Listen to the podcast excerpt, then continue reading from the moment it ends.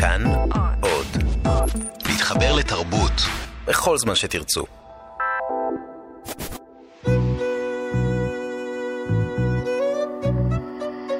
ליסה פרץ משוחחת. שלום לכם, מאזיני כאן תרבות. באולפן ליסה פרץ, ואני משוחחת עם אנשי ונשות תרבות על החיים והיצירה. עורכת התוכנית ענת שרון בלייס, והיום האורחת שלי היא שחקנית התיאטרון והקולנוע, יבגניה דודינה. שלום יבגניה. ערב טוב ליסה. ערב טוב גם לך, מה שלומך? בסדר גמור, מה שלומך? בסדר. אז אני אתחיל איתך ככה, נחמם אותך בכמה שאלות, אוקיי. ואז נחדור את עובי הקורה. מה את עושה בימים אלה? אה?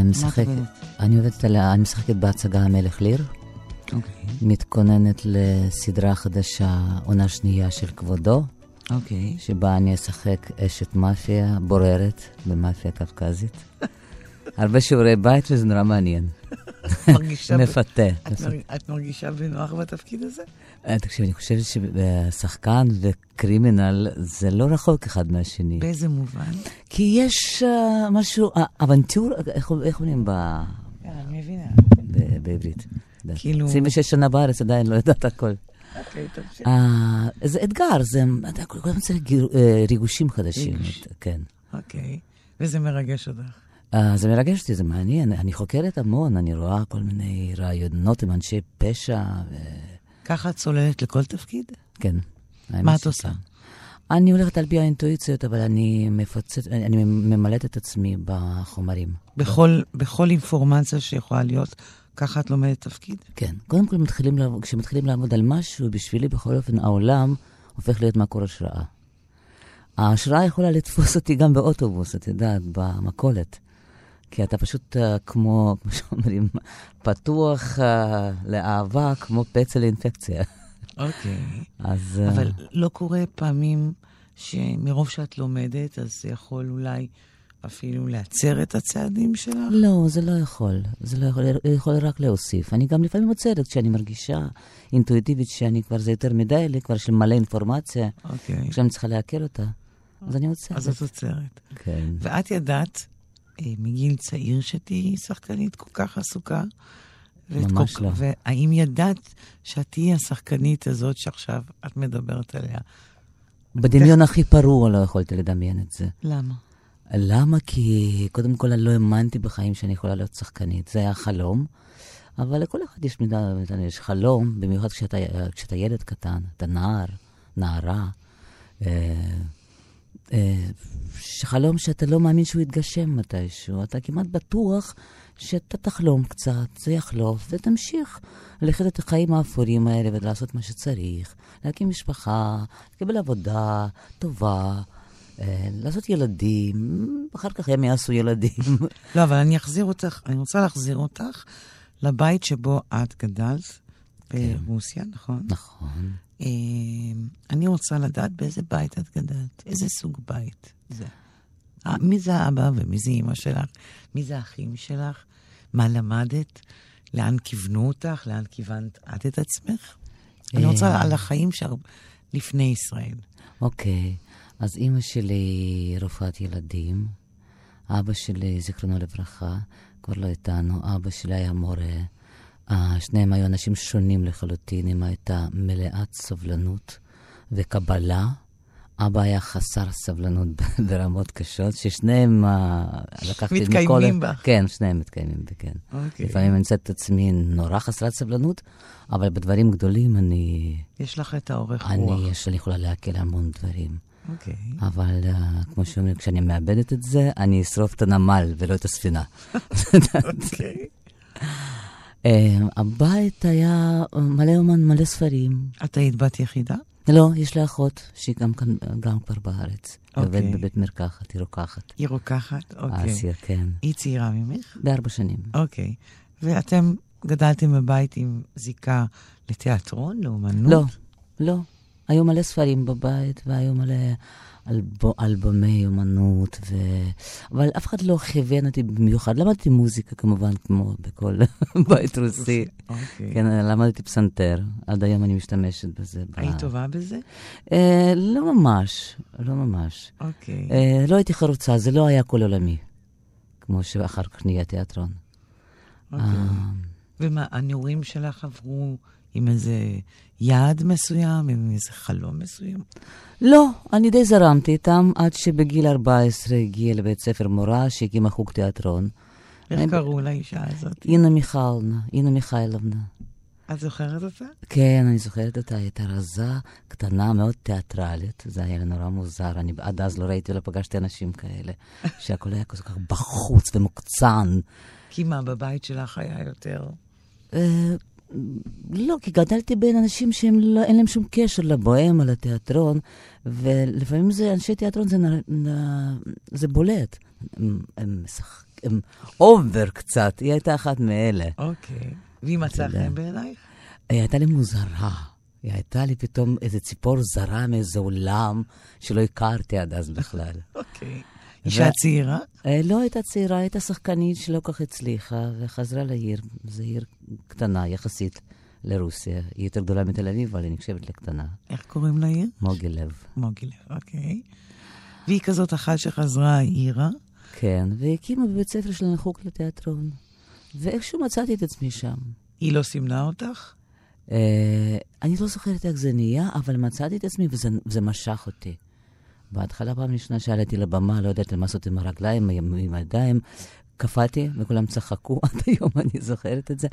אבל אחר כך פתאום אני מוצאת את עצמי, אני משחקת, אני משחקת יוליה, רומeo ויוליה, סצנה במרפסת, ואני קוראת שירה, ופתאום כל המורים שלי אומרים וואי, איך, את- איך את קוראת יפה, את צריכה להיות שחקנית. כל כך הופתעתי לשמוע את זה. אה, ואיש מעולם לפני כן לא אמר לך את הדבר הזה. לא, ממש לא. מה אמרו לך כן? אה, לא, לא אמרו לי, לא אמרו לי, כי מה שנקרא יש זמן. בסדר. אה, היה ברור שאני אני למדתי, הייתי תלמידה טובה. כן. לא משקיעה במיוחד, אבל הייתי בסדר. אבל אז אה, היא דיברה איתנו, אה, המורה, פעם ראשונה שמעתי שם מילה סאבטקסט, ברוסית כמובן. לא הבנתי מה זה. אז היא אמרה לי, הנה, תסתכלי, יש שחקן מסוים אצלו, הוא הדוגמה לאיך שחקן צריך, מה זה סאבטקסט. הסתכלתי על השחקן, והתאהבתי בשחקן. והוא היה, התמלאתי הערצה, והוא נהיה הדבר בשבילי, את יודעת. כאילו מי זה? הוא כבר מת. אלג דל, קראו לו, שחקן רוסי. הוא מת בגיל די צעיר. באמת אוקיי. היה שחקן אדיר. שחקן גדול? ענק, ענק. אוקיי. באמת. ומזה פתאום התחלתי להתעניין בו, ואיפה הוא למד, ואיפה הוא שיחק, וככה התחלתי לקרוא לתיאטרון ממש. ככה נחשפתי לעולם הזה. התחלתי לראות סרטים, לחפש בכל אחד מה זה סאבטקסט. כן. איפה סאבטקסט? כאילו נתנו לך מילה, ואיתה עכשיו יצאת כן. לדרך. כן. לחפש ניסיתי להבין אותה. מה זה סאבטקסט, מה זה, מה זה הדבר הזה, לפענח אותו. אוקיי, היא הסבירה לנו שבלי סאבטקסט אין, אין משחק, אוקיי. אה, שזה דבר נורא נורא חשוב לשחקן. וזה נחרט לך בראש? נחרט לגמרי. עד היום? עד היום, כן. עד היום, אה, עכשיו אני שולטת. כן, אבל אה. נגיד זה דבר שלקחת איתך מאז. כן, מהאישה הזאת והשחקן הזה. כן.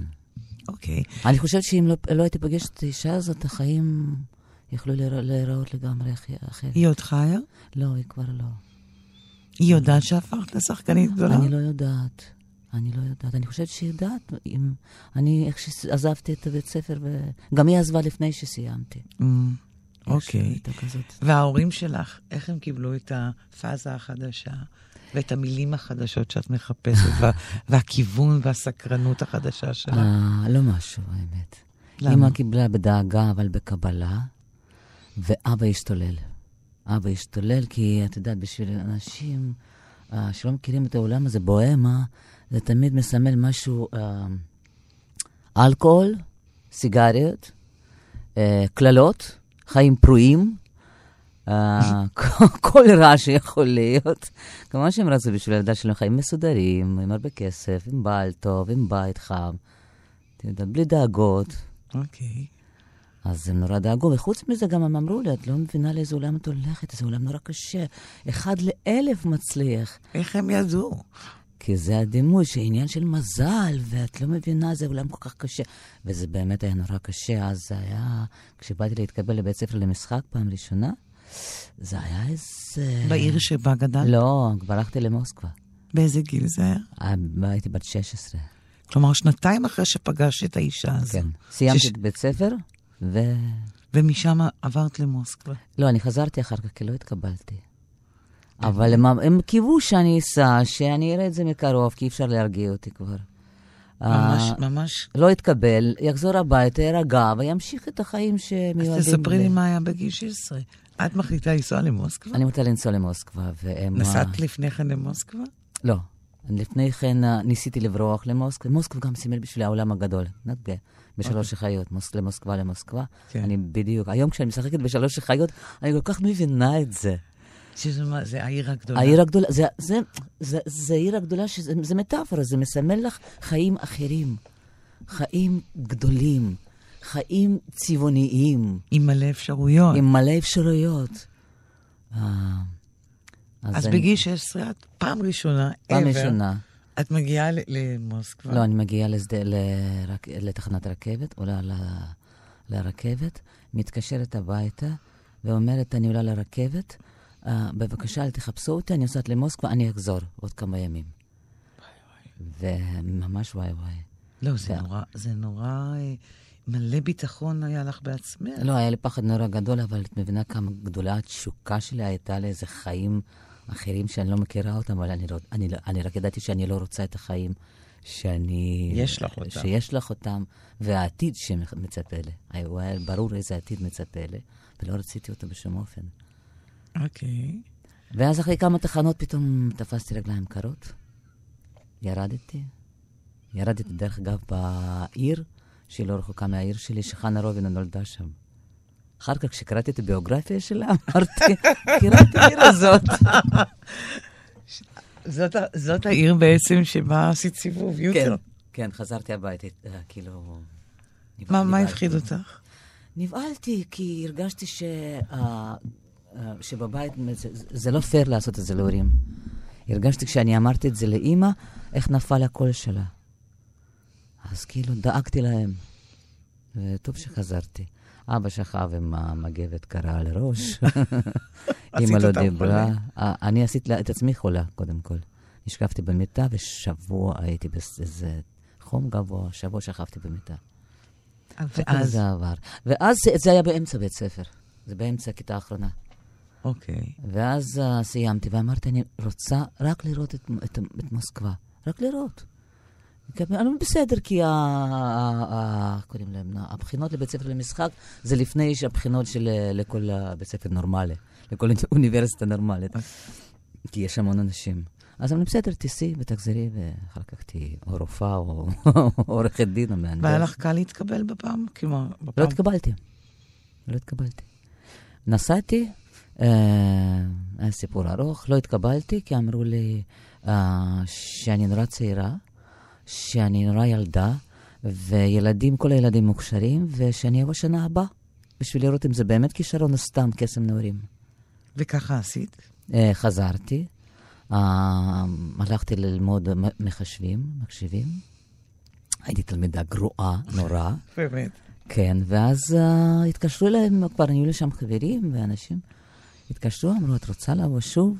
אמרתי, כן, כן, אני באה. וכשבאתי לבית ספר הזאת של האוניברסיטה במקשיבים להודיע שאני עוזבת, אז מחאו לי כפיים. אמרו לי, תודה לך, יבגניה דודין. תודה לך. המחיאות כפיים הראשונות שלי, הרווחתי אותן. נהדר. וזהו, נסעתי. ולא חזרת יותר אה, לעיר שלך? חזרתי מדי פעם. אבל לא, לחיות. לא, לא, לא, לא. לא, לא. אוקיי. לא. ואיזה חיים נפתחו לך בו? אה, לא משהו, האמת, הם היו לי קשים, אבל uh, לא חזרתי. באיזה מובן הם היו לך קשים? באיזה מובן? כי אני uh, התקבלתי, אני לא עברתי בחינה בהיסטוריה של מפלגה קומוניסטית. שם נכשלתי. והמורים שלי למשחק אמרו, בסדר, אנחנו ניקח אותה על תנאי, כאילו שהיא תבוא רק לשיעורי שיעורים למשחק, אבל כל השאר היא תעשה אחר כך שנה הבאה. השלמות. השלמות. והייתי הולכת uh, לשיעורי משחק, לא כמו כל הקבוצה שמותר לה ללכת לכל השיעורים. ואז uh, בשביל לחיות שם היה צריך לעבוד איפשהו, ועבדתי uh, כמנקה במחלקה אורולוגית. אז הייתי בשש בבוקר הולכת לנקות את המחלקה. שגם כש, כשעזבתי אמרו לי תודה רבה, כי הייתי מנקה גרועה. איומה, איומה. Uh, ואז התקבלתי שנה שנייה, וזה שנה שנייה ושלישית הייתי כזאת, uh, באתי חסרת ניסיון, והרבה, חלק גדול מהקבוצה היו כן עם ניסיון. וכל הזמן אמרו לי, יש בך משהו, כאילו יש בך פוטנציאל, אבל את לא מממשת את עצמך, ואנחנו לא, בכלל לא בטוחים מה, מה היה כדאי לך. למה אבל? מה, מה היה חסר להם? אה, מה היה חסר להם? מה היה חסר לי? כי לא יכולתי, עוד לא, את יודעת. לא היית פתוחה היית, מספיק? לא, לא, הייתי, לא הבנתי מה העניין. ועד שאתה במקצוע הזה, אם אתה לא מקבל איזה סוג של שליטה על הדבר, אתה לא יכול. אתה עוד לא ידעתי איך לעמוד על הבמה. לא, לא תפסתי את ה... עם אימא של המקצוע. אה, וזה זה לך זה היה ברור שהם צודקים, או שאמר... כן, היה לי ברור. אה, אוקיי. כן, היה לי ברור, אבל לא הייתה לי דרך חזרה. והייתי כל הזמן עצובה כזאת, וכאילו כל, כל חצי שנה יש שם בחינות, שבה כל בית ספר, כל, כל המורים באים ורואים את הקבוצה, ותמיד, ומשחקים קטעים שהכינו, ותמיד איזה לילה לפני, אם לא, לפ, אם לא לפני לילה, היו אומרים, לא, לא, הקטע הזה אנחנו, לא כדאי להראות אותו, זה עוד לא... ככה עברו שלוש שנים שלא הייתי באף בחינה, כי חשבו שאני לא מספיק מוכנה. שזה לא, לא ראוי להראות, לא, לא הפנים של הקבוצה. והלימודים האלה, הם העשירו אותך באיזשהו אופן? הם, הם נתנו לך כלים לחיים? אה, מסתבר שכן. למרות שהם היו חיים מאוד מאוד קשים. הם אני... היו קשים, כן. אבל הם נתנו לך משהו? הם נתנו לי, קודם כל זה היה כאב, וכאב במקצוע שלנו אף פעם לא יזיק. הלוואי שיעבור, כמובן. כי אתה בכל זאת צריך להביא מעצמי. ואתה לא יכול לדבר על הכאב אם אתה לא מכיר מה זה. זאת אומרת, אפשר. כמובן. אפשר. אבל עדיין זה תמיד... Uh, לא, גם כאב הכישלון, כאב האכזבה. הכאב, הציפייה. אני חושבת כן. שבלימודים מהסוג הזה בטח ברור, יש את זה. ברור, ברור. ו- אבל את, את מרגישה ש... אני תמיד אומרת שהתחנות הראשונות שלנו בחיים, המקצועיים, הם מסרטטים בנו גבולות, הם מסרטטים בנו תבניות. אז אני שואלת אם אותו בית ספר, שהיה לך מאוד קשה להתקבל אליו, ומאוד קשה ללמוד בו, האם הוא הכין אותך לשחקנית שאת היום באיזשהו אופן? אה, יכול להיות. אבל לשחקנית שאני היום, אני חושבת שהכין אותי uh, הניסיון שצרבתי בגשר. כי... אבל לגשר הגעת מהאקדמיה, כן, נכון? כן, כן, אני, אני קצת קופצת קדימה. כן, אנחנו קופצים קדימה. אבל היום אני רואה הרבה שחקנים שיוצאים מבית ספר, והם כבר מוכנים. הם יכולים לעלות על, לעמוד על הבמה, הם מלאי ביטחון, הם כבר שחקנים מקצועיים ואין מה ללמד אותם יותר, הם כבר יכולים לשחק תפקידים גדולים. אני לא הייתי ככה. אני ממש לא, לקח לי, אחרי שסיימתי בית ספר, לקח לי איזה ארבע, חמש שנים עד שיכולתי לנשום לרווחה, כי הבנתי שאני כאילו לא, לא, לא, מחזיקה את המקצוע ביד כבר. עכשיו, ואז היה... עכשיו אני שולטת. את שולטת בו. כן. וזה היה הרגע שאריה יבגני ראה אותך? לא, הוא ראה אותי קודם. אני הגעתי לפה ועוד לא הייתי בטוחה בעצמי. לא, אני, אני שואלת עוד על ברוסיה. אה, אז ככה עברו שלוש שנים שלי בבית ספר, בתעלומה מוחלטת. מוחלטת. עד שהגיע במאי לעשות הצגת סיום של, עם סטודנטים. ושאלת מי, מי מכיר מחזות. אני, פתאום יצא לי באיזה להיות באיזושהי קריאה של מחזה שהיה אסור לפרסם משהו כאילו אנדרגראונדי כזה. ואמרתי את השם של המחזה. הוא אמר, כן, שמעתי עליו, אני, אעשה, אני גם חשבתי עליו. נתן לי תפקיד ראשי. וזה נפל לי, אה, כל כך התחברתי אליו, לתפקיד הזה. זה היה משהו מעל המקצוע, מעל האפשרויות שלי כשחקנית. הבדידות של הדמות אני כל כך הרגע... גם, כי גם אני הייתי כל כך בודדה. היית בודדה בבית ספר? כן. לא היה לך חברים? היו לי, אבל בדיוק הייתה לי שם איזו אהבה כזאת נורא כואבת. נוסף ונז... ללימודים. נוסף ללימודים, ונזרקתי, והרגשתי שאני בכלל לא רואה את הצפון, ואני בכלל לא יודעת, לא יודעת לאן החיים ייקחו אותי. הרגשתי uh, תלושה לג... מאוד, וזו גם הייתה הדמות. בלי עתיד, בלי עבר, בלי... הווה. בלי הווה, כן. והבמאי הזה שראה אותך זה יבגני? לא, לא, זה לא היה יבגני, הבמאי ביים את ההצגה ויבגני ראה אותי. אה, אוקיי. ואז עוד לא הכרתי את יבגני. ואז בא כל, כמובן, באו כל המורים ששלוש שנים היו באים. ואמרו, מי זאת? היא חדשה בקבוצה? אמרו, לא, הייתה פה שלוש שנים, הייתה חולה. לא, לא אמרו ככה, היא חלתה. מי זאת? ואז אה, אני הייתי היחידה שהוזמנתי לתיאטרון. התקבלתי לתיאטרון מכל הקבוצה, בגלל ההצגה הזאת. תארי לך שלא היית עושה את זה, את ההצגה הזאת. כנראה שהיה כתוב לי לעשות אותה. כן, אבל תארי לך לא, היה, תארי לך לא היית אומרת לאותו במה, כן, כן. אני מכירה את המחזה הזה כן, והזה. כן. וככה נהייתי שחקנית תיאטרון מייקובסקי. שגם שם אה, עברתי כמעט אותו סיבוב כמו בבית ספר. כן. אז הגעתי לתת מייקובסקי, ונתנו לי תפקיד uh, uh, החלפה. עד היום אני שומעת החלפה, אני מקבלת, אני צריכה להזיע. למה? למה? כי נזרקתי על הבמה לתוך הצגה נורא מוצלחת, לתפקיד מאוד גדול, לתפקיד מרכזי. לא היו לי כלים בכלל. Uh, אני כבר לא מדברת על זה שעד היום אני מאמינה שהתפקיד זה כמו ילד שאתה יולד. זה יוצא מהרחם שלך. וזה כאילו לאמץ מי שאת יודעת, ולגמרי, אבל בשנייה כאילו לעשות את שלך. ואולי היום, כשיש לי ניסיון וזה, אבל אז לא ידעתי איך להתמודד עם זה. לא היו לי כלים. עשית את זה לא טוב בעיניי? עשיתי את זה לא טוב. מה לא, עשית לא טוב בזה? תסבירי. אה, לא, לא, לא, עשיתי, פשוט שיחקתי לא טוב. לא, את יודעת איך, אה, יש אה, בשחף של צ'כוב, אין לך מושג, איזה משפט הזה נשמע, נקרא, אין לך מושג איזה השפלה זו לדעת שאתה, לדעת שאתה משחק גרוע ולא, אני לא זוכרת בדיוק, איזה השפלה זו לדעת שאתה משחק רע ולא יכול להתמודד עם זה. אני לא מצטטת נכון, כן. אבל... אני מבינה את זה. זה נורא. גם זה אני קראתי. זה נורא באמת. זה נורא. אני חושבת שבכל מקצוע אתה עושה משהו... ואתה לא עושה את זה טוב, אתה יודע שאתה עושה... אתה כל כך רוצה להיות טוב ואתה רע, ולהבין שאתה רע, ואתה רואה גם... זה הכרה נורא אכזרית, כמובן. זה אכזרי. וגם הפרטנרים שלי גם לא כל כך הסתירו, אני ראיתי את המבטים, כאילו, מה את עושה? מה? ואת יודעת, הייתי מסמיקה, ו... בקיצור, למדתי שיעור, והבמאי היה חסר סבלנות. הוא רק צרח, זה היה דרך שהוא צרח. אז עד היום אני נזכרת את זה כמו איזה ניסיון רע. כמה זמן שרד בתיאטרון הזה? ארבע שנים. אוקיי. אבל המצב שלי השתפר מאוד, את יודעת. אז עשיתי את התפקיד הזה רע. אחר, ואחרי התפקיד הזה, uh, פתאום התחילה להגיע לשמועה שהוא הולך ומדבר בתיאטרונים, לקחתי שחקנית. חשבתי, אני מביא כוכבת. אה, זה לא יודעת כלום, אני מעיף אותה שנה הבאה מפה. באמת? כן. זה נורא מעליב.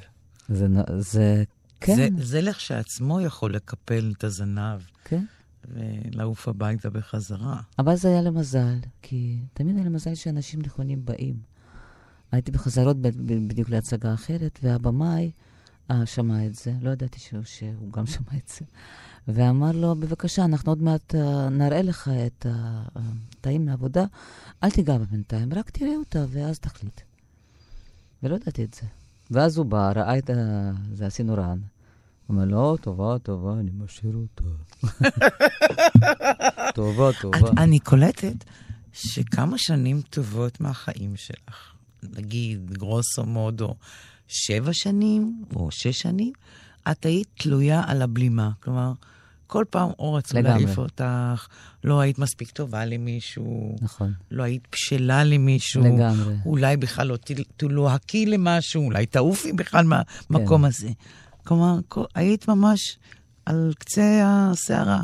כן, נכון, לגמרי. ואז וזה קרה... נורא, נורא, נורא קשה. כן. וגם הביטחון העצמי שלך... כן, הוא היה. על ה... כן, בשפל. נמחק. הוא היה בשפל. אז מה עושה לך המפגש עם יבגני, אחרי כמה שנים כאלה? אה, אני לא פגשתי אותו, אה, פגשתי אותו כ... אה, הייתה הצגת סיום של סטודנטים, ומישהי נכנסה להיריון, חיפשו מחליפה, הוא ראה אותי בהצגה הזאת, מסתבר שבהצגת סיום, והוא קרא לי, זה לא קרה, זה לא הסתדר טכנית, אבל ההצגה הבאה שהוא בא לביים בתיאטרון, אה, כבר אני שיחקתי בהצגה הזאת, רוזנקרנץ וגילדנשטיין מתים, זו הצגה שממנה התחיל התיאטרון גשר. ובאמצע החזרות אני יושבת לי בבגדים של אופליה. פתאום הוא בא אליי ואומר לי, תגידי, את באמת יהודייה? אני אומרת, כן. למה? הוא אומר, לא, אנחנו נוסעים לישראל. אה, מנסים להקים, ננסה להקים שם תיאטרון. רוצה להצטרף? איך הוא ידע שאת יהודייה? אמרו, למישהו אמר לו, למה שלא תיקח את דודינה? היהודייה? "אה, כן, הוא אמר, למה הקשר? אמרו היא יהודייה. לא נכון. כי אני גם לא נראית, את יודעת, בחיים שם, במקום האנטישמי הזה, אף אחד לא... את חווית אנטישמיות שם? אה, בדיעבד. כלומר? בדיעבד, כלומר ש... אה, זה הכל לא במקרה. הייתי מועמדת לאיזה תפקיד בקולנוע, בזמן שלמדת, ב- אה, כשם, בזמן שלמדת או שהיית בתיאטרון? בתיאטרון, כן. אוקיי. וזה היה, נסעתי לאודישן לעיר אחרת, ואז לא התקבלתי. למרות שהיה אודישן טוב, ונורא רצו אותי, פתאום מש, כאילו, הרגשתי שמשהו קרה, ופתאום הדל- הדלת נסגרה. כבר אחרי, אחרי כמה שנים סיפרה לי התסריטאית, שהם ראו שהם צריכים להזמין לי כרטיס אה, טיסה. ואז הם ראו את הדרכון שלי, והיה כתוב שאני יהודייה. אוקיי. זה, ברגע זה סימנו אותי. אוקיי. וגם בתיאטרון הזה? ש- ש- בתיאטרון לא. לא חוויתי. ומישהו שמציע לך לבוא ולהקים איתו אה, תיאטרון בישראל, מדינה שמעולם לא היית בה, בחיים לא. מדינה שלא התכוונת לחיות בה, לא, אווה, לא נכון? התכוונתי, ממש לא. זה כמעט כמו חלוץ כזה. היה לי קל לעזוב, כי לא למה? היה לי מה להפסיד. זאת אומרת, עוד לא הספקתי לבנות משפחה. עוד לא, אמנם כבר הייתי אה, להיות שחקנית אחת המובילות של התיאטרון, המצב כבר השתפר, אבל נגיד לא, לא הסתדר שום דבר בקולנוע. והמסמר האחרון היה שאני כמעט התק- התקבלתי לאיזה קולנוע על פי דוסטויבסקי, על פי ספר של דוסטויבסקי, וכבר היינו בחזרות, כבר, כבר, כבר תפרו בגדים, וברגע זה עבר באולפנים אה, מפיק זר, שהסתבר שהוא היה בעלה של נסטסיה קינסקי באותו זמן, שמע שעושים פה ספר, אה, סרט על פי דוסטויבסקי. בא לבמה, אמר, נסטסיה כל כך אוהבת את דוסטויבסקי, אפילו הילדים שלנו, סוניה ואלושה. אוקיי. וברגע זה, כמובן, לא, עוד, עוד המשיכו לקרוא לי לחזרות, הת- התסריט כבר תורגם לאנגלית, כבר היה זה. אוי, ואז נודע לי שבעצם נסטסיה קינסקי הסכימה, קראה את התסריט, ואני יכולה ללכת הביתה. כלומר, בגלל, אה, בגללה, בגלל נססיה, כן, בעצם עזבת את ישראל. כן. אבל בחיים לא, עכשיו נזכרתי בזה, בחיים לא, לא חשבתי על זה. צריכה להכיר אותה, היא כבר לא משחקת כמעט. כמעט, אבל בסדר. כמעט היא לא משחקת. בוא נאמר, כשיחשבו על הדוסטויבסקי הבא, היא לא תהיה ברשימה, את תהיי ברשימה. הלוואי, אמן. לא, אבל האמת היא ש... כלומר, כל התנאים הסתדרו לך כדי שתלכי משם. כש- כשיהיה לי קל ללכת. ולא אמרת, אני אעשה עוד ניסיון, אני... אה, לא, לא, לא." לא, כי אני גם ידעתי שאני לא, נוס... לא, לא עוזבת לתמיד. זה גם נורא משחרר, וזה נותן ביטחון באמת. כי בתיאטרון אמרו, בסדר, תיסעו. כשבאתי לה, להגיד שאני עוזבת, אז... תיסעו ואז תחזרו. כן, לא יהיה טוב, תחזרי, מחכים לך פה תמיד. וזה כאילו נורא משחרר. וואלה. אתה לא, זה שאלה של חיים ומוות, אתה לא עוזב לתמיד, אתה בא כתייר.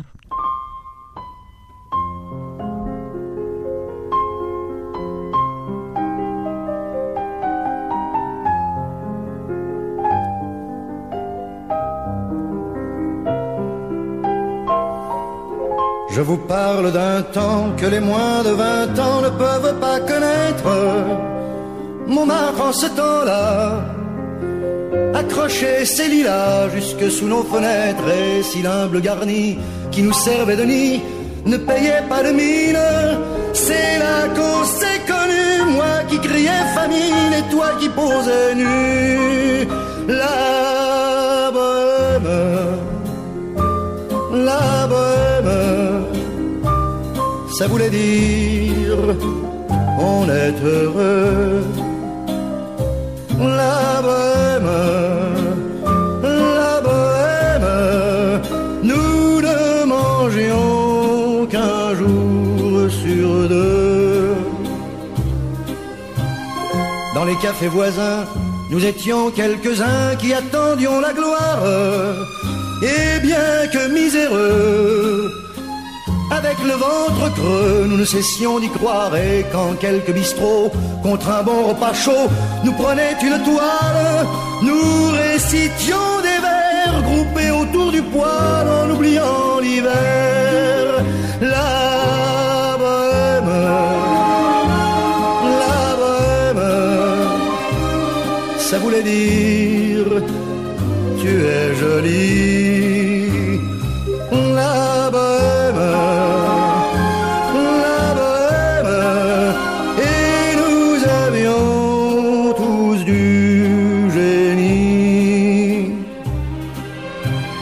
Souvent il m'arrivait devant mon chevalet de passer des nuits blanches, retouchant le dessin de la ligne d'un sein, du galbe d'une hanche, et ce n'est qu'au matin qu'on s'asseyait enfin devant un café crème.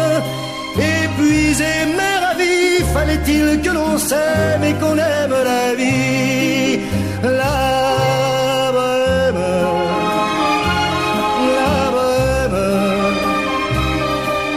On a vingt ans.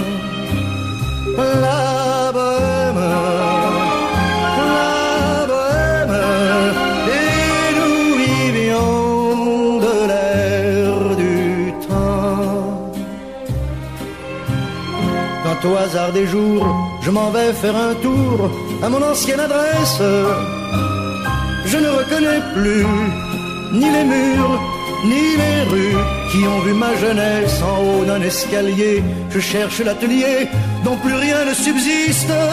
Dans son nouveau décor, mon marbre semble triste et les lilas sont morts.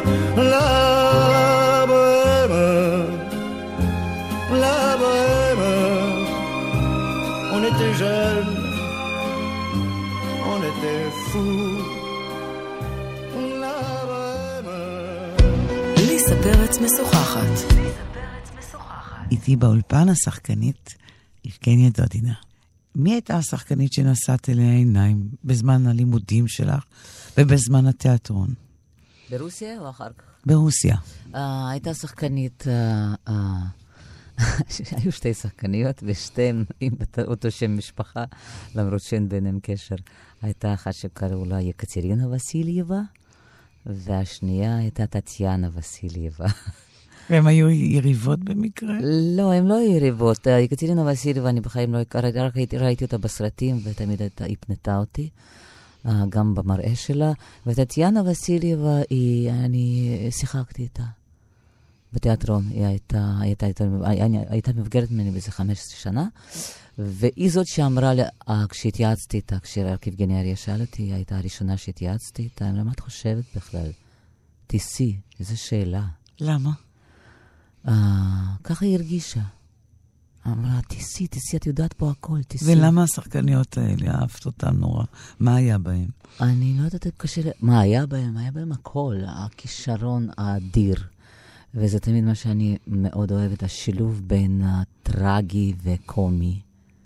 הן שתיהן היו מין ליצן עצוב כזה, ובעיקר הם פשוט באופן מודע או לא מודע, הם תמיד נורא נורא ריגשו אותי. כל פעם שהם היו, היה להם משהו שאתה רואה אותם, אתה לא יכול לה, לה, להמשיך לזבזב בטלוויזיה או... הן הן שחקניות ידועות מאוד, מאוד, כן. הן עדיין חיות? כן, כן. כן. והן כאילו אייקוניות, אייקונות כאלה ב- ברוסיה? הם היו עכשיו והם נשארו, אבל את יודעת, זה... זה מתחלף. זה מתחלף, זורם, כן. אבל עדיין, כן. הבנתי. רצית לשחק כמוהן? מהמם. כן. רצית להיות הליצן העצוב שמח הזה? כן. תמיד אני מחפשת. כל חומר שאני עובדת עליו, אני יודעת שאני חייבת... אני ל- כאילו, אה, אני לא... אני הולכת להגיד משהו מאוד גורף עלייך, אבל אה, אני יודעת מההיכרות מהחיים האישיים שאת אדם מלא הומור וצוחק, אבל אני חושבת שאת לא עוברת כאדם צוחק. נכון. שיש משהו מאוד דרמטי ו... ורציני בנוכחות מתאים שלך. לי, זה בסדר. זה נכון. זה בסדר. למרות שכמעט כמעט בכל הצגה שאני משחקת, אה, זה הופך לחצי קומדיה. איך את עושה את זה? אה, גם בתפקיד הכי טרגי את מכניסה כן. זה? איך? תתני לי, תני לי דוגמה. אה, איך אני אתן לך דוגמה? צריך לראות את זה. מה, פתאום היינו- את עושה איזה... לא, אני תמיד יודעת, כי החיים, גם החיים הם, אה, הם אה, טרגי, דבר טרגי קומי. את לא הכל, את לא יכולה לצבוע אותם בצבע אחד. ואני חושבת שזה רק מעשיר את החומר שאתה עושה. ברור. אני לא יודעת... אה, אה, אין לך אה, דוגמה עכשיו להביא. דוגמה, אם היית עכשיו מול המסך, הייתי אה, מר- מראה לי. מראה לך, כן. אוקיי, אז אני רק רוצה רגע לחזור, לסגור את הפינה של הנסיעה שלך לישראל. כן. אז את עוזבת את מוסקבה, עיר שראית בה את העולם בעצם, את, את נוסעת לחור. לא, אני עזבתי מקום אפור, מקום עם חנויות ריקים, זה סוף שנות ה-90, דצמבר 90. מקום שאתה נכנס ל, אה, למדרגות הבית ואתה רץ, חושך מוחלט ואתה בפאניקה מוחלטת, אתה מפחד שמישהו ייתן לך מכה בראש. מדינה מלאת פחד, מדינה ש, אה, אה, שאנשים לא מחויכים. זה היה השוק שלי כשירדתי מהמטוס, והפעם ראשונה הלכתי ברחוב, אנשים חייכו, אני הייתי בשוק. בישראל? כן, אני הייתי פשוט בשוק. את זוכרת את היום שבאת לכאן? אני באתי בערב, אה, זה בלילה. אה, הגענו למלון, בבוקר התעוררתי, הלכתי ברחוב. קודם כל זה היה בשבילי ללכת בקיץ עם גופייה קצרה. בחיים לא, זה לא קרה לי. ראיתי ים. ים זה היה פינוק בלתי, את יודעת, בלתי, כמעט בלתי אפשרי. היה צריך לטוס ולעמוד בתור, זה היה, כאילו בשביל לראות את הים אתה עובר סיוט עד שאתה מגיע. זה מה ופתאום הוא בהישג יד. כן, הייתה לנו אחלה חופשה, אבל נורא התעייפנו. עכשיו צריך לנוח מחדש. ככה זו הייתה נסיעה לים. אוקיי. אה, ואז אני רואה ים, ואז אני הולכת ברחוב, ואנשים גם מחייכים וצועקים לגורבצ'ב, פרסטרויקה. וסתם ככה אומרים לך שלום ברחוב. סתם ככה. זה לא קרה לי בחיים. הגעתי לפה בת 25, לא דמיינתי בחלום הכי בראש, שאני יכול פשוט ללכת לקראתך ולחייך עלייך. חיית חיים מאוד, אה, אה, ככה זה נשמע, לפחות ברוסיה, חיים מאוד אה, אה, אפוריים כאלה. זה לא שהם אפורים, זה גם חלק מהמנטליות. זה אני מתכוונת. עם כל היתרונות של המנטליות והעם הרוסי, זה לא מנטליות שמחה. זה לא שמחת חיים, את יודעת, על אקסטזי, מה שנקרא. לא, זה לא נראה לי אה, ספונטני או אופטימי בכלל. לא, לא, זה לא אופטימי. עכשיו זה אולי קצת השתנה, אבל לחלק קטן מהאוכלוסייה. לא, אני מדברת בשנים ההן, לא, לא, לא. הבנתי. וכשהגעת לפה, היה לך ברור שאת נשארת... מישהו, כן, היה ברור, מישהו שאל אותי מה לגבי חגים, נגיד, כשהגעתי לארץ. אוקיי, איך, אוקיי. איך קיבלתי אותם. אוקיי. אז אני אמרתי שאני בכלל לא הרגשתי הבדל בין השגרה היומיומית וחגים, כי הכל היה נראה, בשבילי אחרי רוסיה, הכל היה נראה חג חג. אחד, אחד גדול. מתמשך. כן. ומתי האופוריה הזאת יורדת לך? קודם כל, האפוריה של החדשנות היא נגמרת, אה, רק אחרי שלוש שנים אני הבנתי שאני יכולה קצת לנשום לרווחה, כי אני הייתי כנראה במין סטרס, סוג שוק ואפוריה ביחד, זה שכל החדשנות הזאת, מהתיאטרון, מהפגישה עם אבי כמובן, אה, אבי בעלך, אבי בעל, אבי בנימין בעלי. אבי בנימין, המוזיקאי. אה, ואז היא נגמרת. הקמת משפחה, הקמתי משפחה, נכון. הכל עשית נורא מהר. הגעת לא. לישראל, טיק טיק טיק, תיאטרון. לא כזה מהר. כן, האמת שדי מהר זה קרה. ואיפה ההורים שלך? ההורים שלי ברוסיה, נשארו? כן. כן. ומעולם לא חשבו לבוא? הם באו אחר כך, הם לא חשבו, לפני שאני הגעתי, אף כן. אחד לא חשב לבוא. וואלה. אימא שלי הייתה מגיעה לביקור, אבל אז כשאני ילדתי את הבת שלי, שהיה ב-96, איזה חמש שנים אחרי שהגעתי, אימא הגיעה לעזור, כי זה הדור של ההורים שלנו, שהם לא יודעים מה זה לחיות בשביל עצמם. הם לא יודעים, לא, פשוט היא לא תבין על מה, לא, תבין, היא לא הבינה על מה היא את מדברת. גדלת עם סבתא? אני גדלתי עם סבתא, כן. כן. נכון שזה, הרבה אנשים רוסים, הסבתא היא כן. חלק זה בתרבות. בתרבות? לגמרי. אמא הייתה בעבודה, ומי שהיה מטפל בסבתא, מקבלת אותי אחרי בית ספר, לוקחת אותי מהגן, ארוחה חמה תמיד. אה, הייתה, לך סבתא כזאת. סבתא, כן, אחיינה. היא איננה בחיים. איננה. הבנתי. וככה אימא שלך הגיעה, ו... ככה אימא שלי, כן. אה, ככה אני המשכתי לשחק בתיאטרון, ואימא שלי נורא עזרה לי לגדל את אנה. אה, איזה מין שחקנית היית בתחילת התיאטרון בגשר? בגשר? אה, נפתחו לה צ'קרות קצת. איך, איזה את מין? יודעת, היה זה- לך ביטחון? אה, לא, ש... אה, לא עד הסוף, אבל מה שהיה לי, הייתי במין... פרסתי כנפיים. לא היה לי, את יודעת, אה, במוסקבה, גם בבית ספר שלמדתי, גם בתיאטרון ששיחקתי, הכל היה מאוד כזה פביולוס. גדול. גדול וכאילו 100 טון על הכתפיים, אבל מלא, את רואה שחקנים גדולים מהחיים, את אה, גדלת על התרבות גדול, את מכירה את זה, את, את כאילו נמצאת בין המקור הרצה, מחכה לך בכל פינה, מקור להרצה. ופה הרגשתי כאילו לא מכירה כלום. חוסר אחריות מוחלטת, אין לי מושג מה רואה אותי, מי רואה אותי בעולם. Uh, אני לא מדברת את השפה, אני לא, אני לא מבינה מה אומרים לי ברחוב. אה, זה נורא משחרר. לא, וגם החנויות, את יודעת, הלילה, הערב האחרון שלי לפני הטיסה, זה היה שהלכתי ואני זוכרת את הוויטרינות, אה, חלון ראווה, נייר, ופה ושם רק קופסת מיונז. זה היה משהו הזוי לגמרי. פתאום אתה רואה פה אין תורים. באמת, אתה יכול לקנות פירות. אתה יכול לקנות ירקות. זה מה שתמיד מספרים. אנשים שעלו מרוסיה. אתה יודע איזה שוק זה? שאתה יכול למלא את המקרר ובלי בכלל... אה, ואת עוד אפילו לא עברת דרך מעון קליטה ואולפן, נכון? לא, קצת, קצת, קצת עברתי באולפן, אבל ברחתי. כן. למה ברחת? גם כי לא לי סבלנות לשבת בשיעורים. לא היה לי, זה האבא, זה האבא פתאום הציץ. כן, אני הגעתי ל- הגעתי ב-90, בסוף 90, בינואר התחילה מל- מלחמת המפרץ, אז היא הסתיימה, והדבר היחידי שהייתי, שידעתי זה הייתה אזעקה. ואז הגעתי לשיעור הראשון, אחרי רבע שעה שאלתי מישהו, איך אומרים, how to say break in Hebrew? אמרו לי, הפסקה. הרמתי את היד, אמרתי, sorry, maybe אזעקה. וככה, אחרי שביקשתי אזעקה כל איזה 20 דקות, פחות או יותר. נהדר. יום אחד יצאתי לשירותים ולא חזרתי יותר. נתתי לי אזעקה ממושכת. אבל בעצם את מספרת על חיים ממש משוחררים. כן. איזה וודסטוק אחד שלם. כן. כיף לא האמת, נורמלי. כן. חופש. חופש. כן. ממש חופש. הכל חדש, את יודעת, כשאתה... כשהכל חדש לך, אוויר חדש, כאילו שולחן, השול, הכיסא חדש, שולחן חדש, בן אדם, כל בן אדם, התיאטרון חדש, אינטראקציה חדשה, הכל חדש. אבל זה תיאטרון תובעני מאוד. אה, הוא מאוד מאוד תובעני. תובעני, במ- במובן טוב של המילה.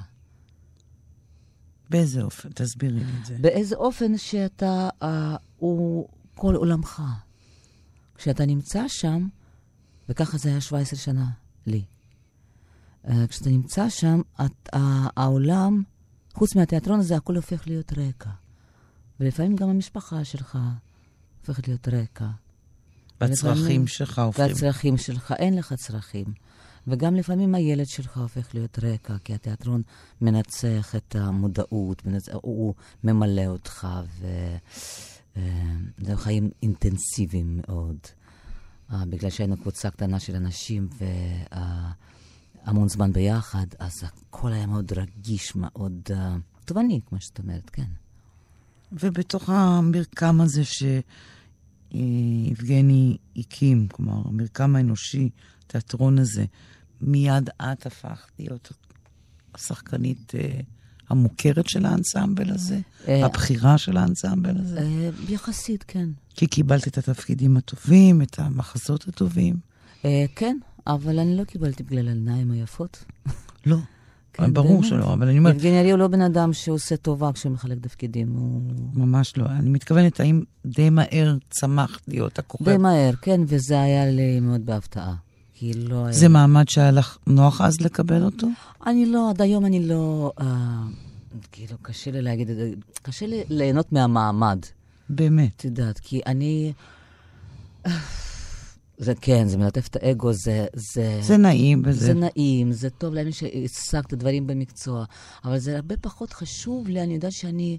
אה, כשאני, ברגע שאני מקבלת מחזה, אני יודעת, או סרט, אני יודעת שאני צריכה לשים הכל בצד בשביל שכשאני אהיה על במה, פעם ראשונה, אני יודע שלא השארתי אבן מאחורי זה, שלא לא נשארתי שאלה אחת שאין לי תשובה אליה.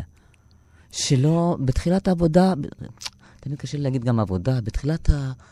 אה, איך אומרים את זה? איך להגיד את זה? לא עבודה, בסדר, עבודה. עבודה לא על תפקיד. עבודה על תפקיד, כן. אה, תמיד אני מסמלת למטרה. אני יודעת לאן אני רוצה להגיע. הרבה פעמים זה דרך פחות קשה, לפעמים זה דרך נראית בלתי אפשרית. Uh, ואני, עד שאני לא, לא, לא, לא מגיעה לשם, אני לא נרגעת, אני לא משחררת. ומה למדת כשחקנית צעירה מהאנסמבל של יבגני? איזה דברים, עם איזה כלים יש לך משם? אם זה, אני לא יודעת מה למדתי, אבל זה בעיקר היה, התובנות הזאת, זה גם שיחקה בעדינו מאוד, כי נולדו דברים, נולדו הצגות, ההצגות המדהימות, ובגלל שכולנו היינו כל כך בעניין, כל כך, המסירות הזאת, וזה שהיו פרטנרים שלא משתנים כל המון שנים ביחד. זה לא קשה? אה, לא, לא. הייתה, לא, לא, לא, היו פה ושם תככים מאחורי הקלעים, אבל... אה, לא, אבל נגיד שאת יודעת ש... לא, זה לא קשה, בגלל ש... להפך, זה, זה מדהים. אותו כי... פרצוף, כאילו, אותו בן אדם. כן, אבל פרטנריות היא בנויה על דקויות. אה, ואתה, ברגע שאתה לומד דקויות, וזה עובד גם על כוח מחשבה, מה שאתה חושב ברגע זה, וזה גם מה שיעבור לעולם. זה גם מה שקרה לי לחשוב. אני יודעת איך, כאילו, להפעיל את זה, אני יודעת איזה מחשבה לשלוח, תדר. איזה, איזה תדר לשלוח, כן. אוקיי. זה אני למדתי עם השנים. שם. אני חושב, שם. הכל, כל הניסיון העצום הזה, הוא הצטבר שם, כן. ואז את מחליטה לעזוב את התיאטרון? אני לא מחליטה לעזוב את התיאטרון. זה יצא ככה, באמת. כאילו, אם הייתי עומדת בפני החלטה, אני חושבת שבחיים לא הייתי מסוגלת לעשות את זה. אף פעם לא היית עוזבת את גשר? לא, לא הייתי עוזבת את גשר. הייתה תקופה שפתאום, יש תקופות כאלה בחיים של שחקן, שהוא לא עסוק, פתאום לא עובד. והתחלתי לקבל הצעות ו... מתיאטרות אחרים. כשהגיעה אנה קרנינה, קראתי את העיבוד, וברור, זה היה מלווה בהמון המון פחד כמובן, כי זה לעזוב את גשר, זה כמו, לא רק שלעזוב את המשפחה, זה לצאת מהמדינה, זה עלייה שנייה, את יודעת. והלכתי. ולא, ולא חששת? גם נשאלתי. זה היה כמו לעזוב את רוסיה, אני נשאלתי לתפקיד, בתנאי שאני חוזרת אחרי זה, חזרה לגשר. תראי, אף אחד לא מוותר עלייך, יבגני. לא מוותרים עלייך בקלות. לא, זה היה משהו, את יודעת, כאילו מישהו כאילו עושה את זה מלמעלה, ככה, ככה, ככה יצא. ואז נשאלתי לאנה קרנינה. ואז אנה קרנינה הצליח, והתחיל לרוץ. ולא יכולתי לחזור בקלות כזאת. ואז בשביל שאני לא אשב בלי, בלי הצגה חדשה, נהייתה עוד הצגה. עוד הצגה. ועוד הצגה, ו... ואיזה שחקנית את היום, אחרי כמה שנים? 30, נכון? ניסיון... של 30. 86 התחלתי. כן. 32, 33 שנה. וואי. את שחקנית 33 שנה. וואי וואי. זה לא כולל תקופת לימודים. נכון. כן. אז שזה עוד ארבע שנים? 82 התחלתי ללמוד. אז זה 37 שנים. אימא'לה, לא נכון. לא. איזה שחקנית את אחרי כל כך הרבה שנים? יש איזה תפקיד שאת יודעת שאת עוד לא עשית, שתעשי, שאת לא מסוגלת לעשות? מה שאני לא מסוגלת לעשות בטוח, יש המון תפקידים כאלה שכבר אני לא מסוגלת לעשות. איזה תפקיד את לא מסוגלת לעשות? אה, כלומר, שמאוחר לי את מתכוונת. לא מאוחר. אה, לא, לא עניין ביולוגי, אלא שאת לא... אני רוצה... שאת לא מתאימה לזה, נגיד. שאני לא מתאימה לזה? אה, שאני מאוד רוצה ולא מתאימה לזה? נניח. זה אין לי כאלה, כי אני בן אדם... מבחינה הזו אני ריאליסטית מאוד, אני על הקרקע, ואני לא... אה, אני אותנטית, אני רוצה לחשוב. אין אוקיי. לי, אני לא ארצה לשחק היום ילדה בת 20, את יודעת, אה, ולא התעקש. אה, אני רוצה לחשוב, את יודעת, כמובן שהכל עוד בפניי. וכשאני חולמת על התפקיד, אני אף פעם לא, כמעט, כמעט אף פעם לא חולמת על, רק על תפקיד בנפרד. כי אני חלק מהאנסמבל. אני חלק, אני מתכוונת לאנסמבל, לא רק שחקנים, פרטנרים. אני חלק מהקבוצה הזאת של, מה staff, הבמאי, הפרטנר, הצוות. זה לא פחות חשוב לי מתפקיד עצמו. ככה את בוחרת תפקידים, כן, כלומר, כלומר כן. כשאת יודעת את כל התמונה כל כולה. התמונה. כן. אוקיי. ואנה קרנינה, נגיד, נחזור אל, אליה, כן. היא אחד מהמעשיים הגדולים של הקריירה שלך?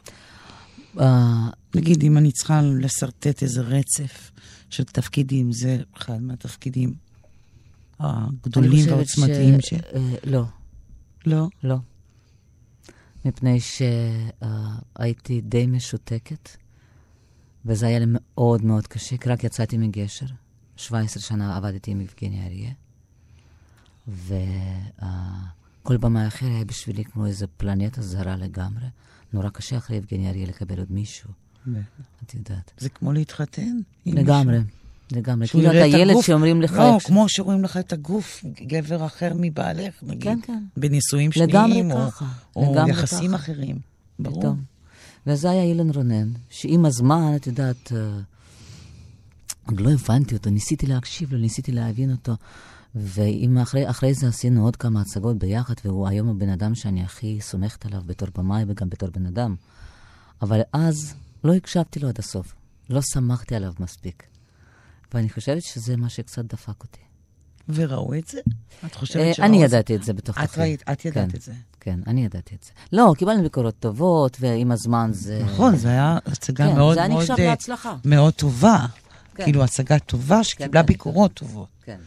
אוקיי. אבל אני עם עצמי יודעת מכל העבודות שלי עם אילן, שמה קצת פספסתי אותו. באשמתי, לא באשמתו. אבל תמיד יש הזדמנות לעשות עוד פעם את אנה קרנינה, נכון? זה מאוחר כבר, תקשיבי. זה מאוחר, כן, כן. את חושבת? אני חושבת, וגם לא מעניין אותי פעם שנייה לעשות את זה. אלא אם כן איזה תפקיד כזה שהוא לא תלוי בגיל. גם עם הזמן אתה, אה, מה שמגרה אותך, הדבר שמגרה אותך בעשייה הוא משתנה. את יודעת, אה, על מה אתה רוצה לדבר? מה, מה עוד לא ניסית? אתה כל הזמן מחפש אתגרים. אז חרשתי את השדה האהבה בתפקידים, את יודעת, מקדימה, מאחורה, מימין, משמאל ומימין. יש תמיד עוד תפקידים, כן, ברור. נכון? כן. אז נראה לי שכאן אנחנו נסיים. רציתי להגיד לך תודה גדולה. ליסה, תודה רבה שלא גלשת לפוליטיקה. אה, אני מדברת על מה שמעניין אותי. כל הכבוד לך. כל כל הכבוד. הכבוד לך, באמת, כי היום אף רעיון של אף יוצר לא עובר בלי שסוחבים אותו לפוליטיקה. הכל בסדר. אני מעריצה אותך על זה. אני באמת. מעריצה אותך בחזרה. אז אני, אני רוצה להגיד לך שוב פעם, תודה רבה. עד כאן השיחה עם השחקנית יבגניה דודידה. באולפן ליסה פרץ, עורכת התוכנית ענת שרון בלייס. אפשר להזין לתוכנית הזאת ואחרות באפליקציית כאן אודי.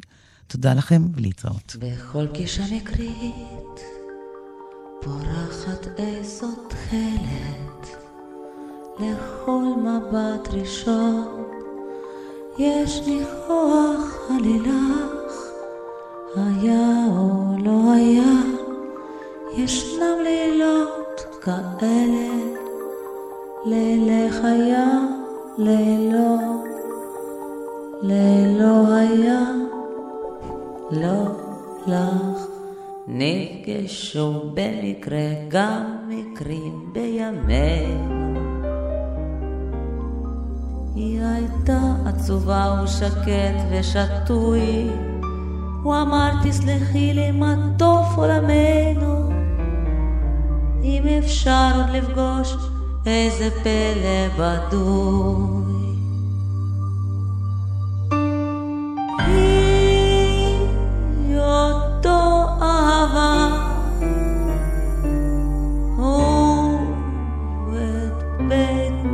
בית המרזח ושניהם אהבו את הלילה ברחוב. כל חצות את לבם עד ביתה הירח הוא חייך לנוחה היא שתקה לילה טוב